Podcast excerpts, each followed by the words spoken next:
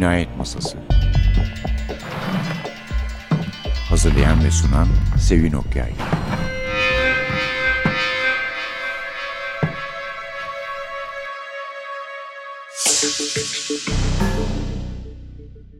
Merhaba. NTV Radyo'nun Cinayet Masası programına hoş geldiniz. Sürpriz bir konuğumuz var. Niye sürpriz? Çünkü ne olur ne olmaz diye önceden adını ilan etmemiştik. Ama kırmadı bizi geldi. Ne de olsa öğrencimiz olduğu için tabii tuhaf kaçar yani şimdi. Tabii şimdi olsa. gelmezse Hocadır bu her pozisyonda bir tane çakabilir diye düşünüyorum. Evet. Şaka, Dersleri geçsek şaka. bile. Efendim Emrah Serbest. Hoş geldin Emrah'cığım. Hoş bulduk hocam. Bu hafta içinde değişik bir durumumuz da oldu. Bir televizyon çekiminde o bana soru soran eleman oldu. Yarısında yani. Yarısında. O da biraz da bir takım konuştuk ama gel. Şimdi şöyle bana dediler işte Sevin Okyay söyleşisi var sen de işte soru sor. Ya dedim ben ne sorayım yani. Şimdi ya işte şey dedi spordan sorarsın. Ben dedim spordan Beni de polisiye yani soracak diye kandırdı ama Ceylan ne olsun ziyanı yok. Güzel oldu. spor olunca bir tek şey de yok. Formula 1'de Spor. yazıyorsun. Evet, evet, Ee, evet. şey ben dedim ben bir Beşiktaş üstüne konuşalım bari o zaman. Bildiğimiz yerlerden. Böyle şey aydınlatıyor. Beşiktaş Evet. konuşmamız oldu evet. Belki biraz okuldan da söz ettik mi ama ama değil mi? Evet. Gene de edebiliriz mesela yani. Evet güzel günlerdi. 10 Senin sene hatırladığın şeyi ben üstünden. unutmuştum mesela. O çok hoşuma gitti hatırlayınca. Hani oyundan senaryo ya da hikaye, hikayeden senaryo. Oradan oraya şey yapıyorduk ya. Sen de aylak adamı yazmışsın değil Şimdi mi? herkes ya bir roman seçiyordu, bir şeyi bir alanda üretilmiş bir eseri başka, Başka bir alana alana çeviriyordu. uyarlama. Aslında çok güzel bir şeymiş şeydi. yani. Ben de o zaman aylak adamı seçip senaryo yapmak için şey yapmıştım, çalışmıştım. El yazısıyla notlarımı evet, buldum. el yazısı 40 sayfa falan yazmışım. Geçen Bayağı da işte yazmışsın onları. yani. Yani bitiriyormuşum neredeyse. Yani bitirseydin şey de bir film yapsaydık şundan. Ama şimdi tabii okuyunca o zaman çok şey. Yani en şey duygularla yazıyorsun. Yani kafasını gözünü yarıyorsun Evet, ama bir evet. şeyler de öğretici bir süreç de oluyor yani öyle. Ama yaptıkça bir öğrenirsin şey yani. Ben hep onu savunuyordum ya yani çok okuyun çok yazın yani bu Ha. şekilde Yazarlık Bir- bence de öyle. Yaptıkça öğrenilecek bir öğreniyorsun şey. yani. Hani Ha, o şeyden sınıflardan o öğrencilerden iyi yazarlar da çıktı aslında yani. Kitabı falan olan insanlar çıktı yani işte Evet. sen varsın Ferhat var Nurgül'ün var Kerem vardı o oyunlar yazıyor onlar sizin üst sınıflar siz aşağıda da bu sonra ikinci sefer gittiğimde de iyi yazan birkaç kişi vardı ama onlar daha yeni bitirdiler okulu belki onlardan da bir şey daha çok o tabii bizim senaryo kuşak gelmez gruplarında. geri hocam. He? Bizim kuşak gelmez geri. Gelmez vallahi doğru. Daha çok ama şey yapıyorlar senaryo gruplarında. Senin işte Fatmaların sizin sınıfınız falan Evet. orada Yeliz de sizde miydi? Doğru olabilir. Yeliz evet. de sizdeydi. Onlar daha çok senaryo gruplarında çalışıyorlar. Ama şimdi. hep öyle birazcık da şey Değil mi? için tutunmak için. Hani Para ben da de orada var şey yapayım. kadarıyla. İlk başladığımda hani roman yazayım diye başladım ama roman yazdıktan sonra bile sonuçta geçinmek için bir iş yapmanız gerekiyor. Ben de öyle başladım. Günlük dizi yazıyordum TRT'ye Ankara'dayken. Hı, hı. Şimdi Behzatçı'yı yazan işte senarist arkadaşla beraber, Ercan'la beraber. E biz onu 175 bölüm yazdık. Yani o muazzam uzunlukta bir işti yani. Destan gibi bir şeydi. Ama öyle ufak ufak bir yerden başlamak gerekiyordu. Tabii Sonuçta, tabii çok iyi ama ben senin kitabın bu şimdi bir ilk kitap değil mi? Evet siz Çok iyidir bir ilk kitap. kitap olarak. Şu- Unutmuşum diye yeniden okudum da. Çok iyi yazılmış ve şey dikkatimi çekti. Ne kadar iyi bir casting ya. Ne kadar iyi ya. Karakterleri çok uyan tipler ve mesela Erdal'ı ben görünce Behzat Ç. olarak hiç garipsemedim. Yani çünkü hep böyle bir Behzat kafamda gezdirirdim yani. O bana hiç yabancı gelmedi. Ben her teması iz bırakırı getirdim ilk Evet. kitap diye. Zaten benim son hafta Onu çalmışlar yurtmuşlar galiba, galiba. Evet. Uçmuşlar. Öğrencilerdir ama. Ondan sonra onun için Süheyl Çarkıvik bize şimdi her teması iz bırakırdan yani Behzat Ç. ile ilk tanıştığımız kitaptan bölümler okuyacak.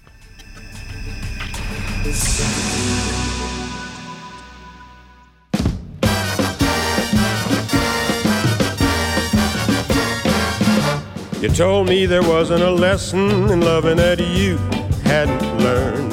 Oh, yeah. Oh, yeah. You figured to go along flirting with fire without getting burned. Oh, yeah. Oh, yeah. So you met someone who set you back on your heels. Goody, goody. So you met someone, and now you know how it feels. Goody, goody. So you gave him your heart too, just as I gave mine to you. And he broke it in little pieces. Now how do you do? So you lie awake just singing the blues all night. Goody, goody. And you think that love's a barrel of dynamite. Hooray and hallelujah. You had it coming to you. Goody, goody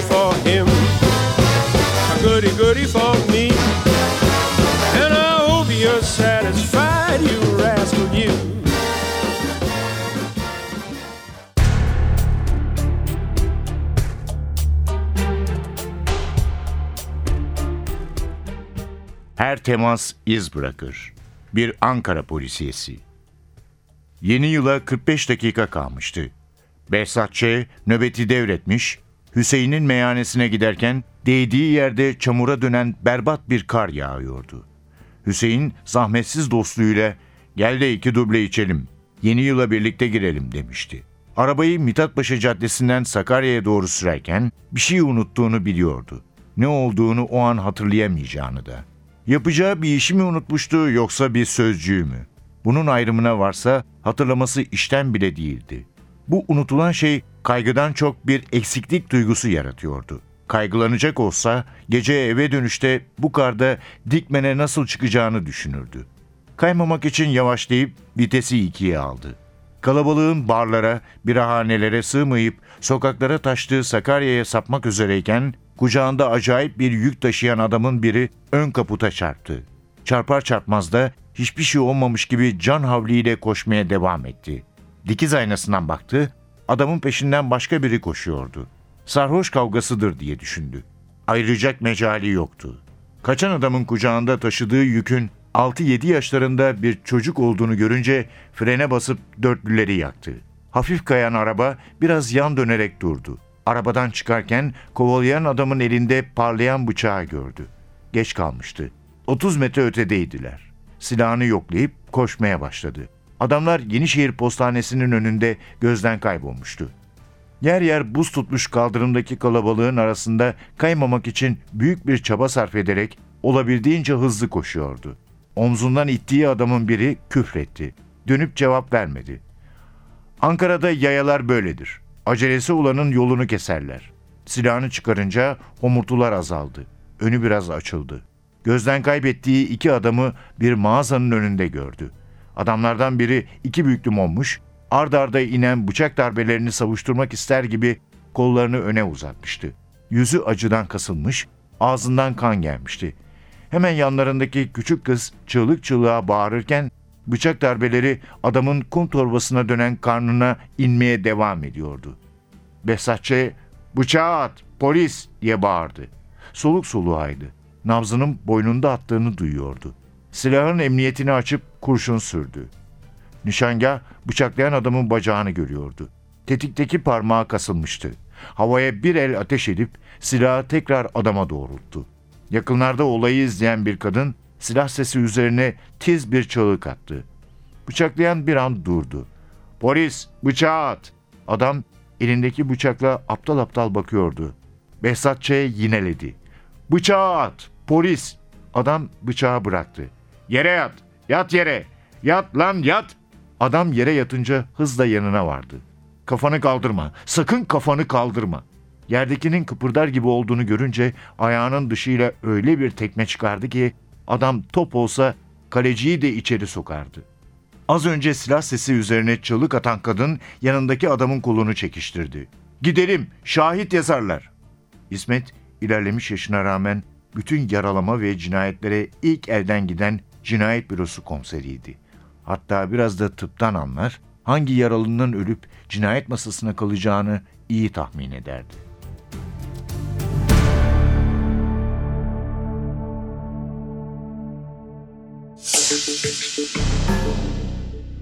Cinayet masasındasınız. Konuğumuz Emrah Serbest. Yani bir Behzat Ç. durumu söz konusu yani. Gerçi senin hikaye kitabında vardı. Evet erken kaybedenler diye. Erken kaybedenler diye. Biraz distopya çağrıştırıyor bana. Evet. Çok üzülmüştüm özellikle iki hikayede. Hangisi? Anneanne hikayesi mi başta? Evet, evet. Evet bir tanesi o. Ha, bir tane daha var. Hatırlamıyorum şimdi hangisi olduğunu. Sonunda O- bir tüpçü. Ama ben senin zaten bu insanı üzen şeylerine daima tepki gösterdiğim için biliyorsun birinci kitabın sonunda. Evet. Abi olur mu ya diye bir itiraz şey yapmıştık. Peki bu nasıl geldi? Nasıl yani kafana düştü diyelim zihnine? Bu biraz şöyle oldu. Biz o zaman Ankara'da ben orada dil tarihte okudum dramatik Evet, bizden yazarlıkta. sonra oraya MSM'den sonra. Evet radyo oyunu dersi vardı. Hoca da dedi ki polisiye şeyler ilgi çeker dedi. Hani radyoda şimdi konuştuğumuz gibi yani. ne yaptığını bilemezsin E, bu da adamın. Sadece 12-13 yıllık sesi bir gelir. program Evet, hakikaten yani. Güzel oluyor diye. bunun ilgi çekmesi gibi. polisiye ilgi çeker dedi. Onun üstüne bir bütün sınıfta bir polisiye merakı başladı ister istemez. Ben de başlamadı. Ben dedim ki ya ben neşeli bir adamım. Komedi falan yazayım bir, yani. bir, de, bir, bir de işte sana öyle dedi diye içinden gelmemiştir yapmak. Bir süre sonra da bende de başladı o merak ister istemez. Çevrede öyle başladım ama dedim ki ya şimdi madem polisiyeyle ilgileniyorum radyo oyunu yazmaya gerek yok. Polisiye de mesela roman daha önemlidir tarzında bir şeye Evet. varıp oradan bu zaten bir roman yazmak istiyordum. Onun polisiye olmasına o şekilde karar verdim. Ankara'da geçmesine. Bunun dedektifinin gerçek polis olmasına hani polis prosedürü olarak Evet. bilinen tipteki bir polis olursa bize daha uygun olabileceğini düşündüm. Ve de öyle çıktı ortaya. Ya ben öğrenciydim onu yazarken. Hatta işte ya o zaman da öğrenciydim. İşte hoca neredesin sen diyordu. Ben bazen derslere gitmiyordum geç kalıyordum. Hocam dedim roman yazıyorum ya. Gülüyorlardı. ne yazdın? İşte dedim polisiye yazıyorum. 100 sayfa yazdım daha kimse ölmedi falan diye kendimle dalga geçiyordum. Ama sonra o sene 3. sınıfa geçerken çıktı kitap. Ne kadar iyi olmuş. Evet ya. biraz şanslıyım çünkü mesela kitaplar çok bekliyor da yayın evlerinde. Evet beklememiş yani. Ve o da Tanıl Boran'ın sayesinde oldu. Ha tanıl var tabii. Evet ben Evet. dedim ki yani kimse okumuyor benim kitabımı. Ben yazdım ama editörleri o sıraya gelene kadar kimsenin okuyacağı yok. Anladım yani. Tanıl Bora'ya dedim ki ya abi ben bir roman yazdım Ankara'da geçiyor dedim. Polisi olduğunu bile söylemedim. Ankaracı ya. Ankara'da Oradan canından vurdun onu. Evet. O da dedi ki bir bakayım bir göz atayım. Okumuş işte İçinde o Gençler akşam. Birliği lafı da var deseydin. Gençler. Birliği de var. Okumuş o akşam. Sonra dedi ben dedi bu işlerden anlamam pek de bir anlayana sorayım. Anlar ama böyle adamlar vardır ya anlamam var. derler. Tanıl öyledir. İşte o da Ömer Türkeş'e okutmuş. O da demiş ki bunu basın iyi bir şey bir iki düzeltme önerdi. Böyle onları yaptık sonra çıktı. Vallahi çok Güzel iyi olmuş. Çok iyi bir, yani. çok doğru birini de okutmuş tabii. Ömer Evet. Bey de çok güvendiğim biridir yani bu konularda. E, gayet güzel. Peki sonra son hafriyat var. Sonra ikinci roman işte son Evet. hafriyat geldi. Şimdi üçüncü düşünüyor musun? Yapıyor Şimdi musun? biraz evet uğraşıyorum. Üçüncü bir roman var. Ama biraz e, dizi olmasından sonra da bir Behzatçı şeyi oldu. Doygunluğu mu diyeyim evet, e, evet. tırnak içinde. Hani Türkiye'nin Fazla daha fazla Behzatçı'ya ihtiyacı var mı?